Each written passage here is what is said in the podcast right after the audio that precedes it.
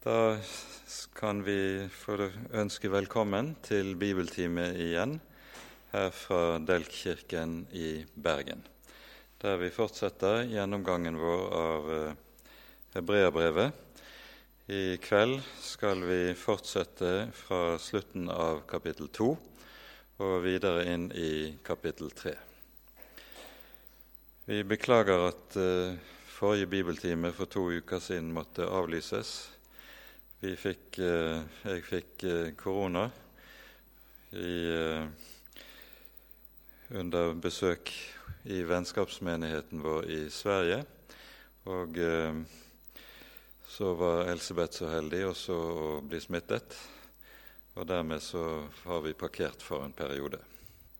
Så, men jeg er i hvert fall noenlunde i stand igjen. Elsebeth sliter nok litt med ettervirkningene fortsatt. Men det er godt å kunne samles igjen om uh, Guds ord, det som er det som vi lever på, og det vi lever i. Vi folder hendene, og vi ber sammen før vi leser. Så takker og lover vi deg, Herre vår Gud og vår Far at vi igjen skal få lov til å samles om ditt hellige ord, og at du har lovet at du vil komme til oss i og gjennom ordet. Velsignet Herre være du, som har bøyet deg til oss og trofast tar deg av oss i gode dager og i onde dager. Velsignet Herre Jesus være du, som ga deg selv for oss fordi du ikke kunne tåle å se at vi gikk vill og gikk fortapt. Takk, Herre Jesus, at din kjærlighet blir ved. Vi ber at du i din store godhet vil holde oss fast hos deg, at du vil sende din Hellige Ånd og gjøre oss stille for ordet ditt for at ordet ditt også kan gjøre sin gjerning i våre liv og i våre hjerter. Kom, Herre du, og vær hos oss som du har lovet. Amen. Da er det da slik at vi i dag starter med fra avslutningen av det andre kapittelet i Hebreabrevet, og vi skal lese fra vers 14 av og til og med vers 6 i det tredje kapittelet nå innledningsvis. Vi leser i Faderens, Sønnens og Den hellige ånds navn. Da nå barna har del i kjøtt og blod, fikk også han på samme måte del i det, for at han ved døden skulle gjøre til intet den som har dødens velde, det er djevelen, og fri alle dem som av frykt for døden var i trelldom hele sin livstid. For det er jo ikke engler han tar seg av, men Abrahams ett tar han seg av. Derfor måtte han i alle ting bli sine brødre lik, for at han kunne bli en miskunnelig og trofast ypperste prest for Gud til å sone folkets synder. For ved at han selv har lidd og er blitt fristet, kan han komme dem til hjelp som blir fristet.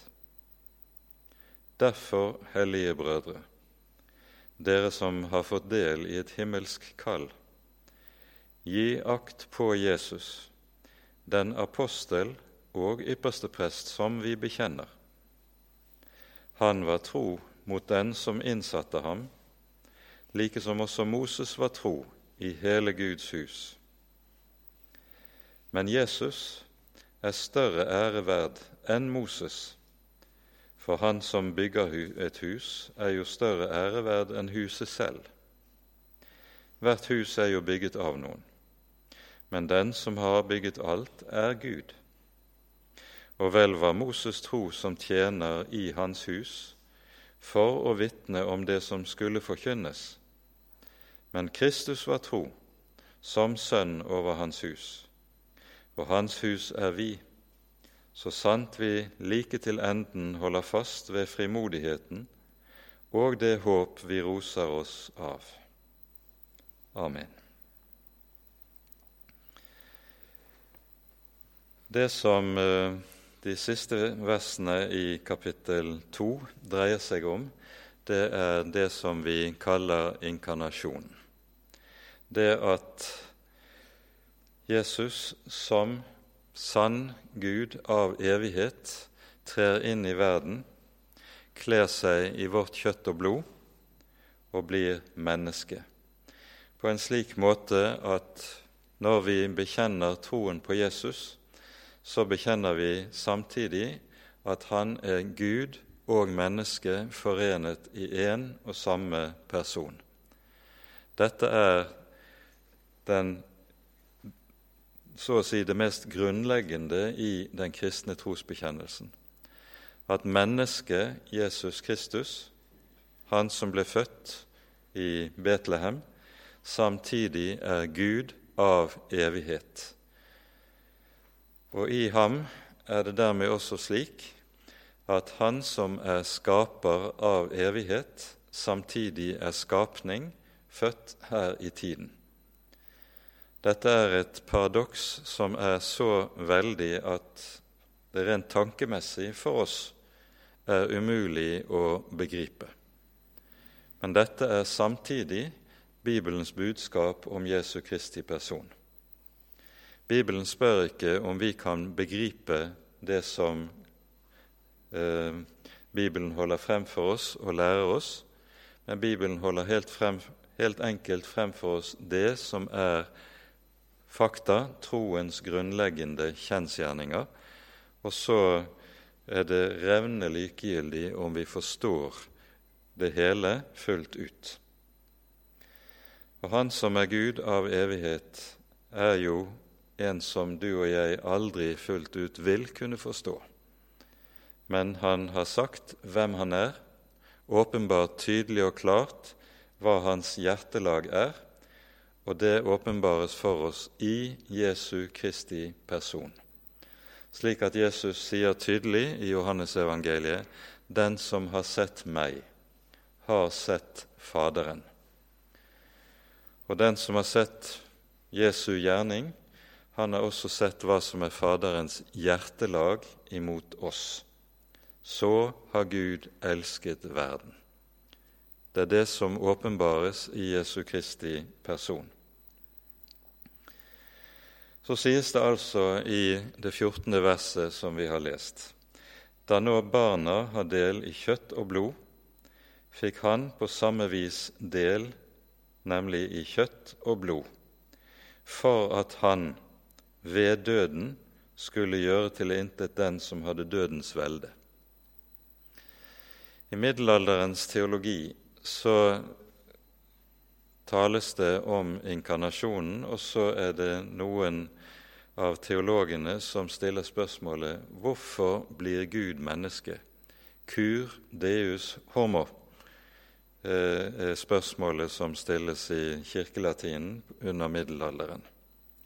Og Svaret er det som gis oss i dette verset. Gud blir menneske for å kunne dø. Som Gud av evighet er han evig og udødelig. Som skapning og som menneske er han dødelig. Og Gud blir menneske, kler seg i en menneskelig kropp, blir skapning, rett og slett for å kunne dø. For ved døden tilintetgjør han døden.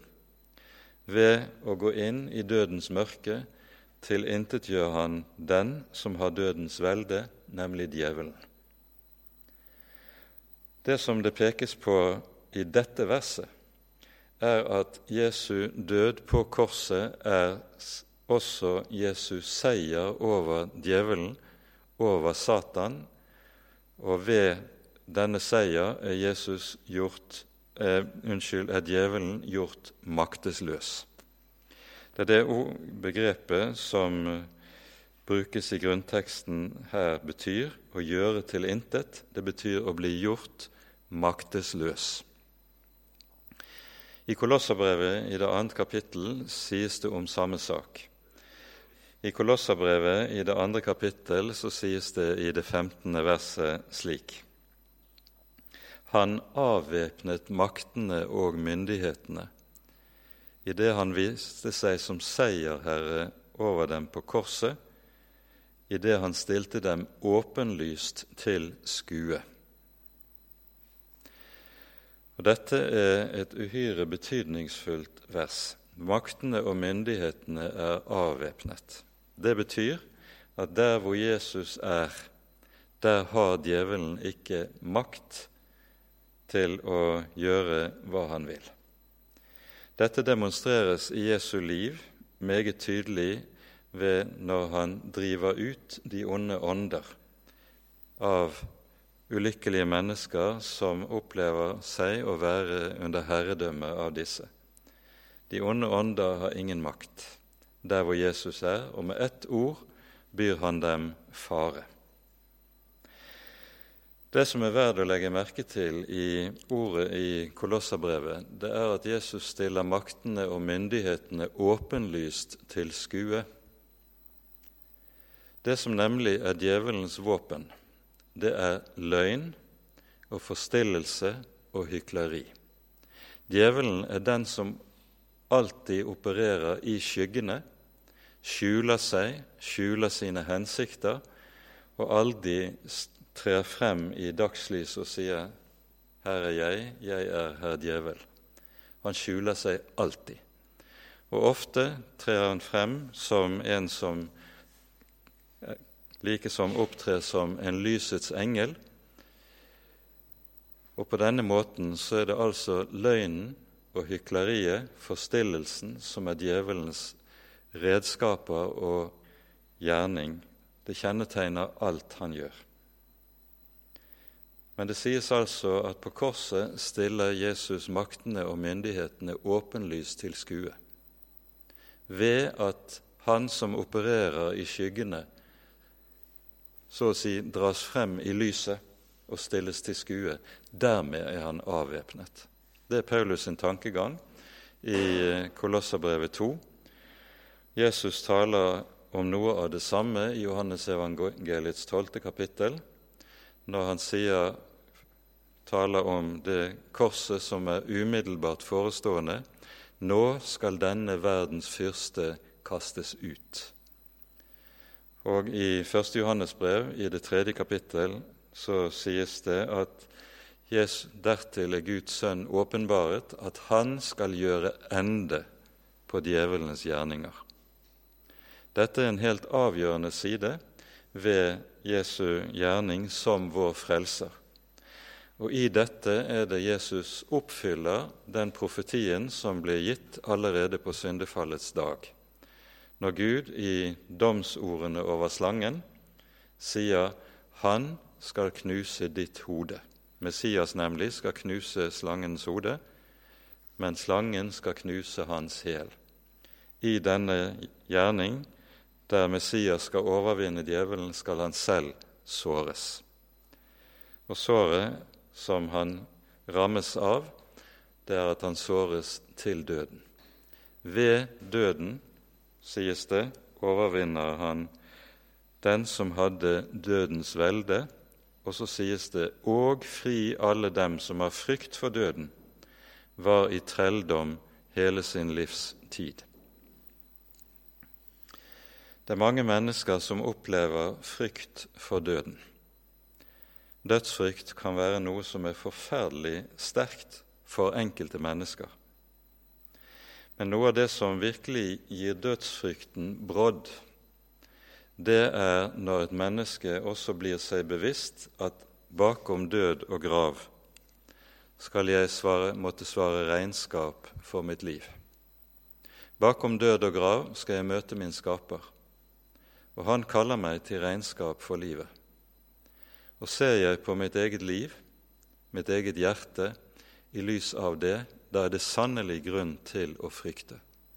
Hvis jeg ikke eier en forløser, å møte den hellige Gud i dommen uten Jesus, han som har overvunnet død, djevel og djevelen som anklager, han har sannelig grunn til å frykte. For noe av djevelens viktigste gjerning, slik Bibelen eh, beskriver ham for oss, det er nettopp at han er anklageren. Og står du for Guds domstol etter død og grav, og har anklageren ved din side som peker på det ene og det annet og det tredje i ditt liv, da må du lukke din munn. Du vet at du er skyldig. Og ser du på ditt eget liv, ditt eget hjerte, vet du du har ingenting å forsvare deg med.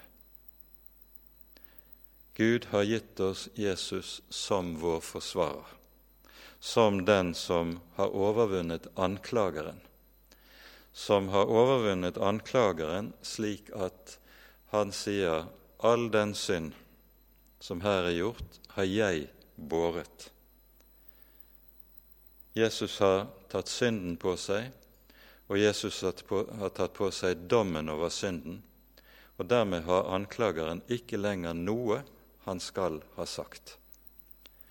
Og Derfor er det slik at når vi i åpenbaringsboken møter øh, den store kampen som foregår i den usynlige verden, og vi hører at djevelen kastes ned, så sies det 'Våre brødres gled dere, dere, himler', for våre brødres anklager er kastet ned. Og så sies det om den frelste flokk at de har seiret over ham, anklageren, i kraft av lammets blod og det ord de vitnet. Det er nemlig ordet om ham som ga seg selv i døden på korset for vår skyld. Det er disse sammenhengene i Skriften som ligger bak det vi her hører tale om i disse versene. Når djevelen har dødens velde, er det nettopp i kraft av sin rolle som anklager overfor oss. Og når han kan utfri oss fra frykten for døden, så er det nettopp frykten som anklagen kan reise i våre liv når vi står overfor døden. Det er den som vi fris fra ved vår Herre Jesu Kristi død. Han har avvæpnet maktene og myndighetene. De kan ikke lenger anklage Guds små barn. Så følger det i neste verset det er jo ikke engler han tar seg av, men Abrahams ett tar han seg av. Dette er siste gang eh, englene er omtalt i hebreerbrevet. Vi hører jo i, både i kapittel 1 og tidligere i kapittel 2 at englene er omtalt. Eh, og med dette så pekes det på dette avgjørende. Når Jesus kommer, så kommer han i vårt kjøtt og blod, fordi det er oss mennesker, oss falne skapninger, han skal ta seg av. Men, sies det, det er Abrahams ett han tar seg av. Dette uttrykket 'Abrahams ett' det er et uttrykk vi møter en rekke ganger hos Paulus.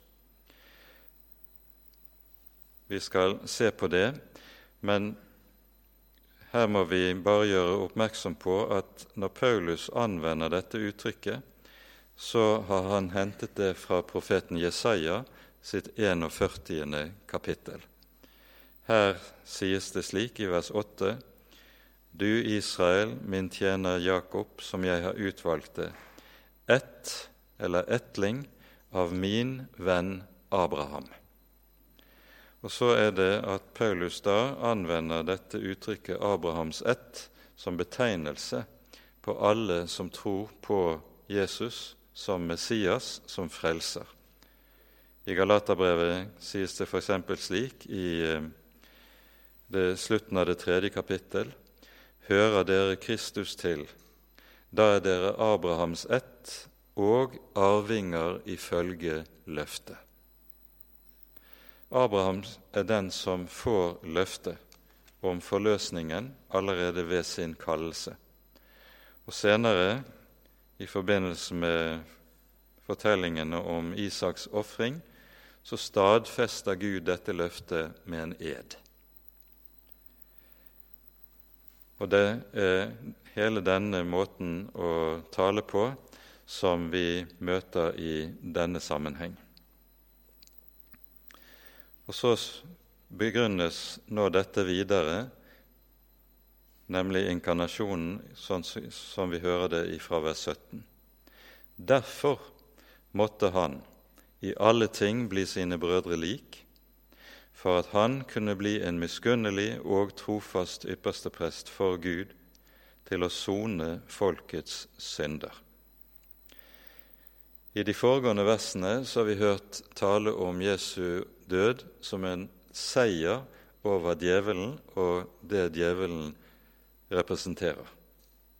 Her pekes det på Jesu død som en soningsdød, en død som forsoner Gud slik gjennom at han bærer all synd. Og Nå I dette verset møter vi begrepet ypperste prest for første gang i hebreerbrevet. Senere utover i brevet er begrepet ypperste prest om vår Herre Jesus et hovedbegrep og et hovedtema. Det dukker opp igjen i slutten av kapittel 4, og så fra, videre fra kapittel 7 av er det hovedtema utover til og med det tiende kapittelet. Men her møter vi altså eh, begrepet for første gang. Derfor måtte han i alle ting bli sine brødre lik. Og så hører vi i det videre utover i hebreerbrevet at like som ypperstepresten var tatt som en av sine brødre som en likemann blant likemenn, så har Jesus så å si som idet han blir menneske, blitt oss lik, dog uten synd. Det er jo en avgjørende forskjell på Jesu menneskelighet og vår menneskelighet. Han er uten synd. Men han måtte i alle ting, sies det, bli sine brødre lik. Og Her anvendes igjen ordet 'brødre' om de som hører Jesus til, de som tror på Jesus. Dette uttrykket er jo brukt tidligere i kapittel 2, slik som vi var inne på det sist gang, der eh, det ble sitert fra salme, slutten av salme 22 der Messias sier 'Jeg vil kunngjøre ditt navn for mine brødre'. Og dette, det er dette Jesus knytter an mot etter sin oppstandelse, når han møter Maria Magdalena og sier til henne, 'Gå til mine brødre og si:" Jeg farer opp til min far og deres far, min Gud og deres Gud. Og så er det at vi får kalles Jesu brødre, så å si den umiddelbare frukten av at Jesus har gjort soning for våre synder.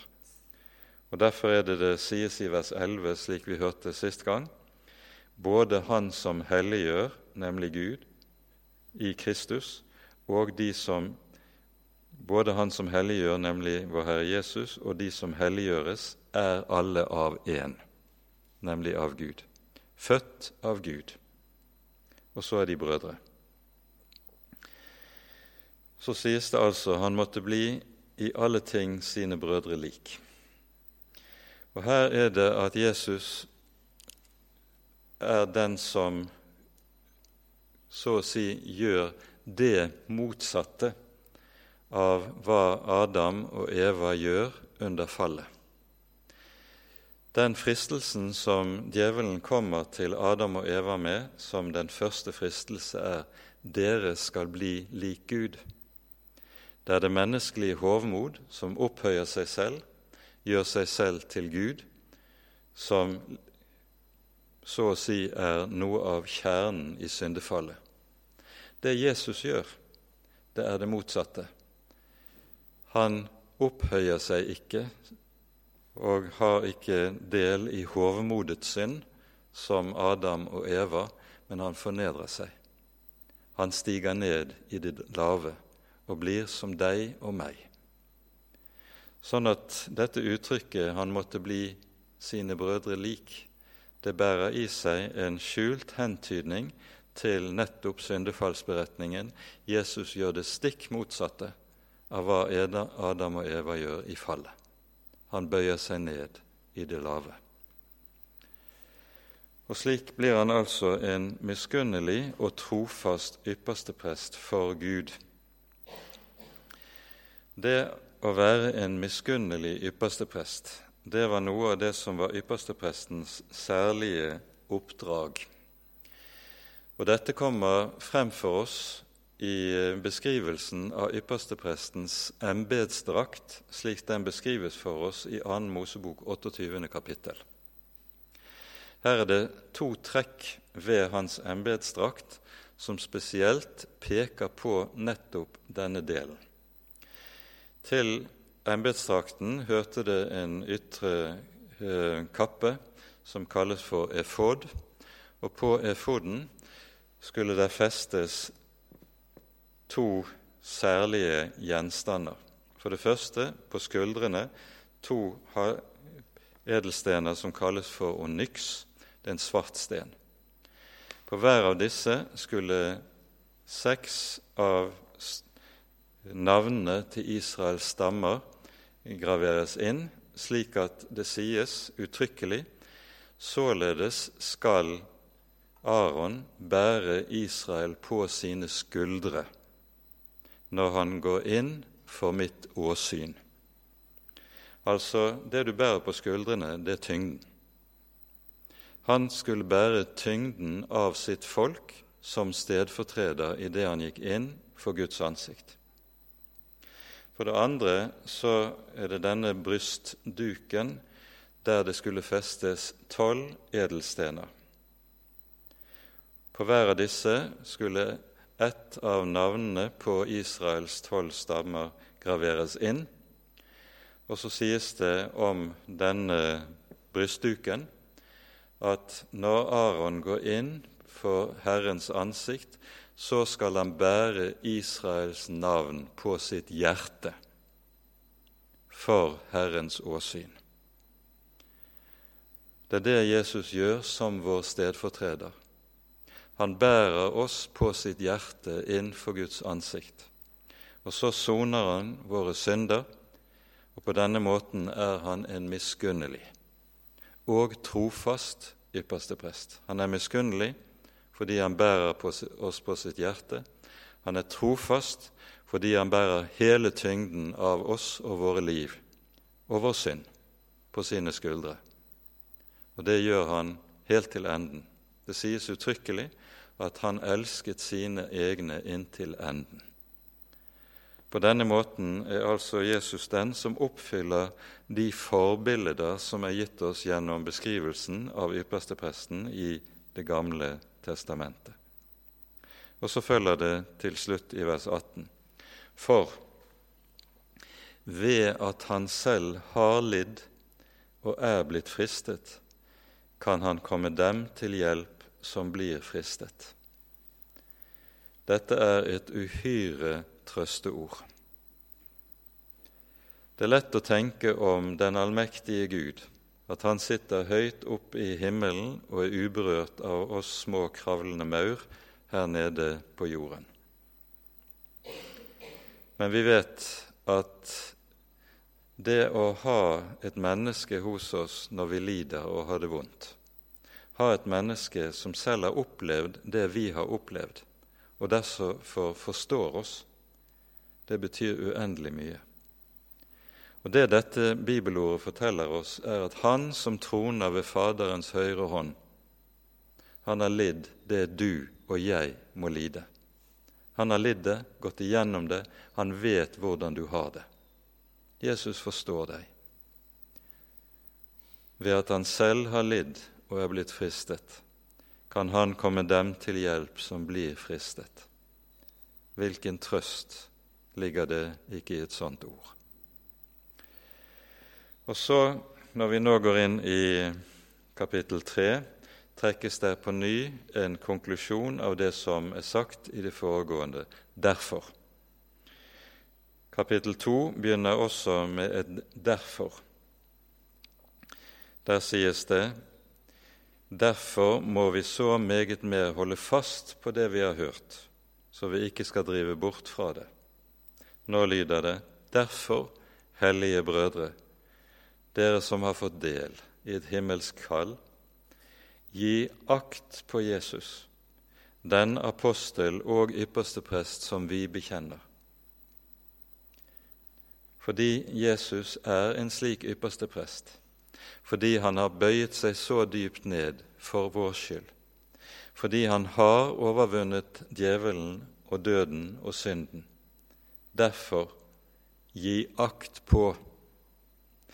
Og Ordet som betyr, er oversatt med 'å gi akt på', det betyr målbevisst å feste blikket på noe, og så la all oppmerksomhet være rettet mot dette. Det er det samme som uttrykket som anvendes i kapittel 12, når det taler om å se på ham som er troens opphavsmann og fullender. Derfor, hellige brødre, når dere vet hva Jesus har gjort, og vet at dette er noe han har gjort for dere, han har gjort det for deg, derfor skal du få lov til å feste blikket på ham og vite der i ham er det du har den egentlige trøst, der er det du har ditt livs grunn. Gi akt på Jesus. Og så kalles Jesus den apostel og ypperste prest som vi bekjenner. Det er uvant for oss at Jesus kalles for apostel. Det er jo slik at vi er vant til å kalle de tolv disiplene som Jesus eh, kaller som sine nærmeste, for apostler, men at Jesus selv kalles apostel, det er vi ikke vant til. Dette henger sammen med at betydningen av ordet apostel det er det å være en utsending med fullmakt. Og Hvis du leser Johannesevangeliet i sammenheng, så vil du se at i en hel rekke sammenhenger så omtaler Jesus seg selv som den Faderen har utsendt. Ganske særlig i kapittel 17 i den ypperste prestelige bønnen møter vi dette begrepet en hel rekke ganger. I vers 3 i Johannes 17 sies det:" Dette er det evige liv, at de kjenner deg, den eneste sanne Gud, og ham du utsendte, Jesus Kristus. Og så hopper vi til vers 8. Der er det tale om hvorledes disiplene tar imot Jesus. Jesus sier, 'De ord du ga meg, har jeg gitt dem'. Jesus er utsendt fra Faderen med ord Faderen har gitt ham, som han skal gi videre til oss. De ord du ga meg, har jeg gitt dem, og de har tatt imot dem og kjent i sannhet at jeg er utgått fra deg, og de har trodd at du har utsendt meg. I vers 18 sier Jesus om apostlene like som du har utsendt meg, altså like som Faderen har sendt Jesus, står det, slik sender jeg dem til verden. Og går vi til vers 21, så sies det at Jesus ber om at disiplene skal være ett i ham for at verden skal tro at Faderen har utsendt ham. Vi møter det enda flere steder i det 17. kapittel, men dette får være nok i denne sammenheng. Dette er altså bakgrunnen for at Jesus kalles for apostel i denne sammenheng. Og Det beskriver nærmere det særlige forhold det er mellom Faderen og Sønnen, nemlig at i treenigheten har Faderen, som har født sin sønn, også sendt sin sønn til verden. Og det er dette som understrekes med dette ordet. Så sies det gi akt på den apostel og ypperste prest som vi bekjenner. Når Jesus er ypperste prest, så trer han inn i en helt bestemt rolle som beskrives ganske så grundig i eh, eh, særlig i Tredje Mosebok, men også i noen kapitler i Fjerde Mosebok. Men det er ikke tid i denne sammenheng å gå inn på dette enda. Vi kommer nærmere inn på det senere når vi kommer lenger ut i hebreabrevet. Bare dette understreker vi i denne sammenheng. Når det taler om Jesus som ypperste prest, så er han to ting. Han er for det første mellommann, mellommann mellom Gud og mennesker, og for det andre han er stedfortreder. Prestens rolle i Det gamle testamentet var nettopp å ha en stedfortredende rolle for folket som helhet. Men dette kommer vi til å komme lengre, mer tilbake til senere hen. Nå sies det altså at vi skal gi akt på Jesus. Og så hører vi i de neste versene en, at det dras en sammenligning mellom Jesu person og Moses. I kapittel 1 så hørte vi det understreket hvorledes Jesus er så meget høyere og større enn englene fordi han som Gud er langt mer enn englene som er skapninger. Om englene er aldri så store, aldri så mektige, de er dog skapninger. Men som Gud er Jesus ikke skapning, han er skaper. Nå dras sammenligningen med Moses. Og det understrekes med stor styrke Jesus er som nettopp fordi han er Gud, også så meget større enn Moses. I eh, datidens jødedom, like som i, også i moderne jødedom, så står Moses i en særstilling. Moses er den ved hvem loven ble åpenbart, Moses er den ved hvem pakten ble inngått ved Sinai. Moses er den som er alle profetenes forbilde og opphavsmann. Han står i en særstilling i Det gamle testamentet, også i den forstand at hele Det gamle testamentet sitt budskap det hviler på og springer ut av det som vi hører forkynt for oss i Mosebøkene, i de fem første bøkene i vår bibel. Alt som ellers sies i Det gamle testamentet, springer ut av det som forkynnes for oss og læres for oss gjennom de fem Mosebøkene. Nå sies det altså Jesus var tro mot den som innsatte ham, like som også Moses var tro i hele Guds hus. Her eh, henvises viser teksten til 4. Mosebok kapittel 12. I kapittel 12 i 4. Mosebok så hører vi at Moses' bror Aron og søster Miriam de er eh, misunnelige på Moses fordi han står i et sånt særlig forhold til Herren. Vi eh, hører de eh, opponerer mot Moses i sin misunnelse, og så i stedet for å forsvare seg, så sies det om Moses at Moses var en meget ydmyk mann, mer enn alle mennesker på jorden. Og så griper Herren inn for å forsvare sin tjener Moses, og så står det slik fra vers 5 i 4. Mosebok 12. Da kom Herren ned i en skystøtte og sto i inngangen til teltet. Han kalte på Aron og Miriam, og de gikk ut begge to. Og Herren sa, Hør nå hva jeg har å si dere.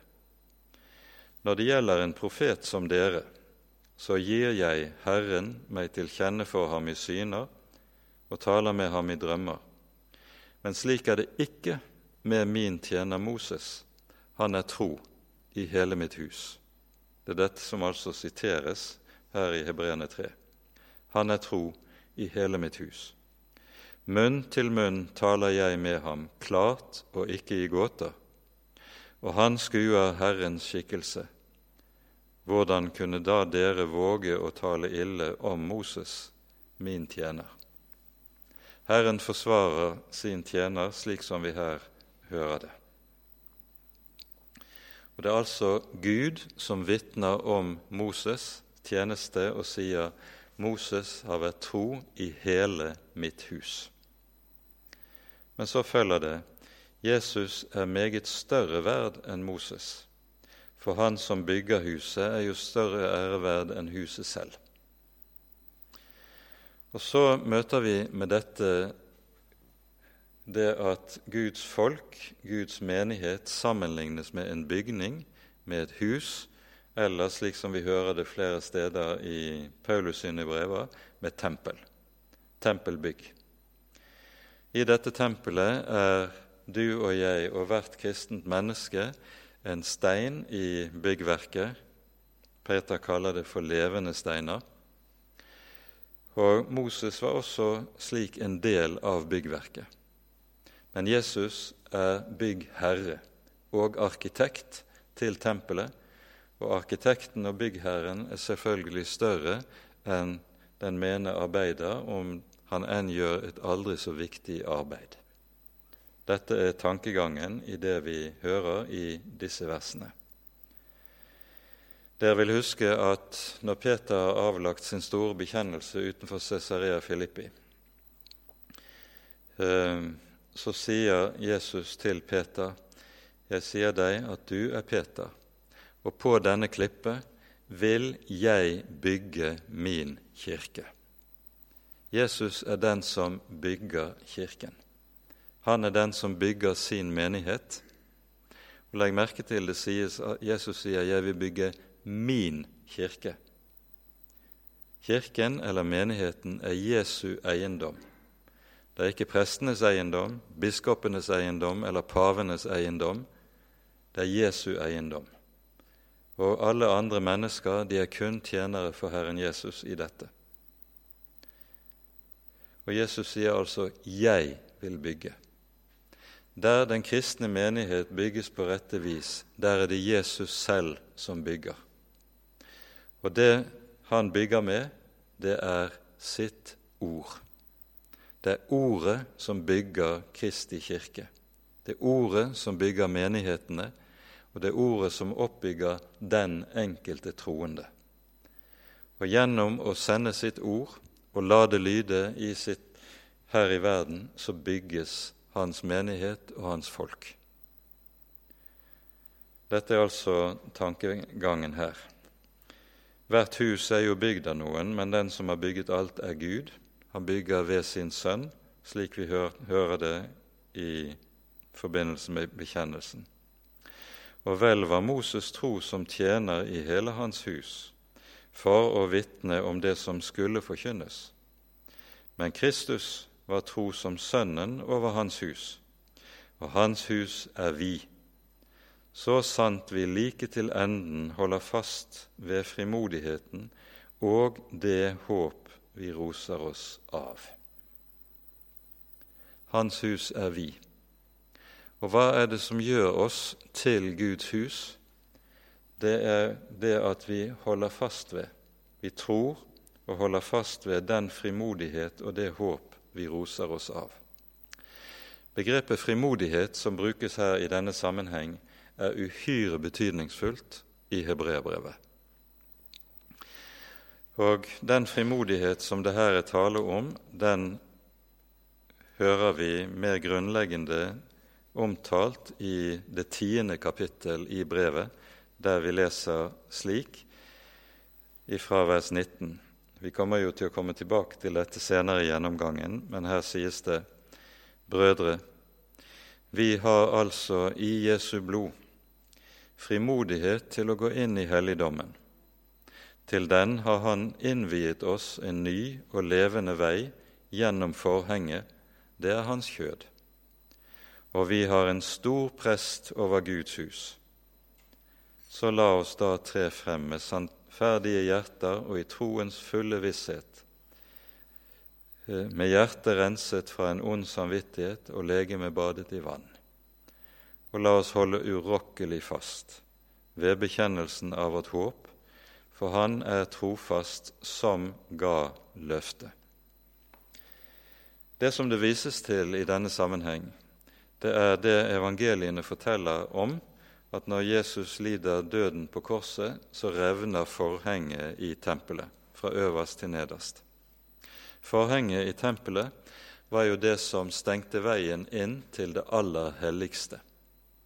Og Poenget med det som det her fortelles, det er at på forhenget så var det vevet inn bilde av kirubene. Hvem var kjerubene? Kjerubene hører vi i Det gamle testamentet omtalt i forbindelse med syndefallet. Når Adam og Eva jages ut av hagen etter fallet, så stenges veien inn til livets tre og så setter Gud kjerubene med det flammende sverd for å vokte veien. Adgangen er stengt. Og Dette illustreres i tempelet gjennom at forhenget inn til det aller helligste, det har kjerubene avbildet. Det er de som stenger veien inn i helligdommen. Det er de som stenger veien inn for Guds ansikt. Det er de som stenger veien til evigheten.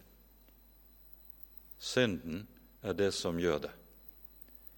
Når forhenget revner, så sier Gud med det nå er det ikke lenger noen kjeruber som stenger veien. Ved Jesu død er det åpnet fri adgang innenfor Den helliges ansikt for syndere. Det er poenget. Og det er den frimodighet som gis oss ved Jesu død, og som åpenbares for oss i det forhenget i tempelet revner. Og så sies det det er denne frimodighet vi skal holde fast ved. Det er noe som er grunnet i Kristi død, som er gitt oss som så usigelig dyrebart.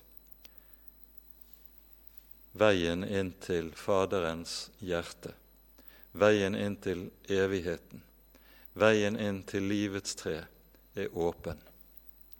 Hold fast ved det, for det er åpnet i Jesu blod. Med sitt liv og med sitt blod står Jesus inne for det som er vårt håp og vårt liv og vår frelse. Hold fast ved det, sies det så. Vi må ikke gi slipp på dette, for det er dette som er vårt håp, både i liv og i død. Med at hebreerbrevets forfatter her sammenligner Moses og Jesus, så griper han også til noe som er ganske sentralt i en del eh, som vi kan høre hos rabbinerne i deres tale om Messias.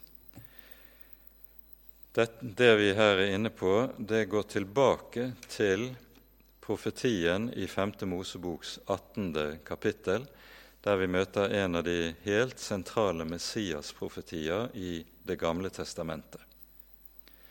Her sies det sånn, 5. Mosebok 18, fra vers 15.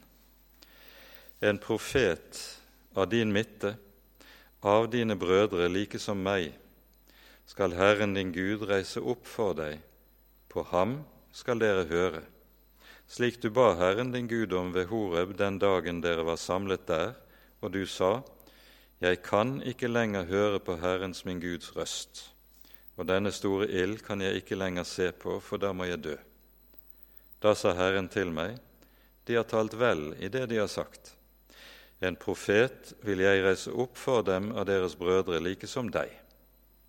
Jeg vil legge mine ord i hans munn, og han skal tale til dem alt det jeg byr ham. Og hver den som ikke hører på mine ord som han skal tale i mitt navn, ham vil jeg kreve til regnskap for det. Det evige liv er knyttet til å lytte til Herrens ord. Det å lukke øret for Herrens ord, det fører et menneske inn under Guds dom. Det er det som sies her. Men det vi nå skal legge merke til, det er for det første at denne teksten siteres uttrykkelig to steder i apostlenes gjerninger som eh, skriftbevis på at Jesus er den lovede Messias, nemlig i Peters tale, som er, gjengitt i apostelgjerningene kapittel 3, og likeledes i Stefanus' tale i apostelgjerningene kapittel 7. Jesus er den som oppfyller dette løftet. Og vi hørte Jesus si uttrykkelig i Johannesevangeliets 17. kapittel at når Faderen sender sin sønn, så har Jesus altså kommet med de ord Faderen ga meg, har jeg gitt dem.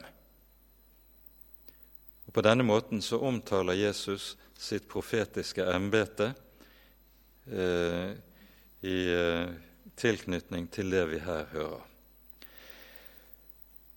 Det er jo slik at fra gammelt av, når man taler om Jesu gjerning som Messias Messias betyr 'den salvede'. Så har en i Kirkens undervisning om dette pekt på at i Det gamle testamentet så var det tre ulike tjenester som hadde det med seg at en ble innsatt ved, i denne tjenesten gjennom salving. Den første av disse var tjenesten som ypperste prest. Ypperstepresten kalles en rekke steder i Mosebøkene for 'den salvede prest', og han innsettes i sitt embete gjennom en særlig innsettelsesseremoni, der salving med Den hellige olje var noe av det mest sentrale i innsettelsen. For det andre hører vi at kongen eh, salves når han innsettes i, til sin gjerning. Det står om David i 1. Samuels bok kapittel 16 at når Samuel salver ham, han heller olje over Davids hode og salver ham med olje, og så sies det 'Den hellige ånd kom over David fra da av og herefter'. Salvingen er nemlig symbolet på utrustningen med Den hellige ånd til den gjerning som Gud har utpekt en mann til. For det tredje hører vi også i eh, slutten av første kongebok at eh, profeten Elias får befaling om å salve sin etterfølger, profeten Elisa, til hans gjerning, så profeten er den tredje. Og I tråd med dette så har man sagt det slik at når Jesus er Messias, den salvede, så er han den som i sin person samler disse tre embeter. Han er ypperstepresten, og den altså som det, det gamle testamentets ypperste prest er forbildet på. Han er kongen, den konge som de gammeltestamentlige konger er forbilder på, og han er profeten. Og slik er det Jesus er altså vår Messias, og hans gjerning beskrives meget rikholdig gjennom disse tre forbilder som vi møter i Det gamle testamentet. I rabbinernes utleggelse av ordene i 5. Eh, Mosebok 18 så strever de etter å finne paralleller mellom det som kjennetegnet Moses, og det som skal komme til å kjennetegne den kommende Messias. Og rabbinske prekenkommentarer er ganske rikholdige og til dels oppbyggelige eh, når de skal utlegge dette. En av disse kommentarene sier bl.a.: Moses var utpekt til å hellige ett folk for Herren. Når Messias kommer, skal han hellige alle folk for Herren. Som den siste forløser var, slik skal det, som den første forløser var, slik skal også den siste forløser være. Men bare i langt, langt rikere mål. Om dette er det mye å si, men vi har ikke tid for det i dag. Men vi ser at disse versene som vi har hatt for oss her i Hebreabrevet i kveld, de bærer i seg et meget rikt og meget trøstefullt budskap. Med det setter vi punktum for kveldens bibeltime. Ære være Faderen og Sønnen og Den hellige ånd, som var og er og være skal, en sann Gud, høylovet i evighet. Amen.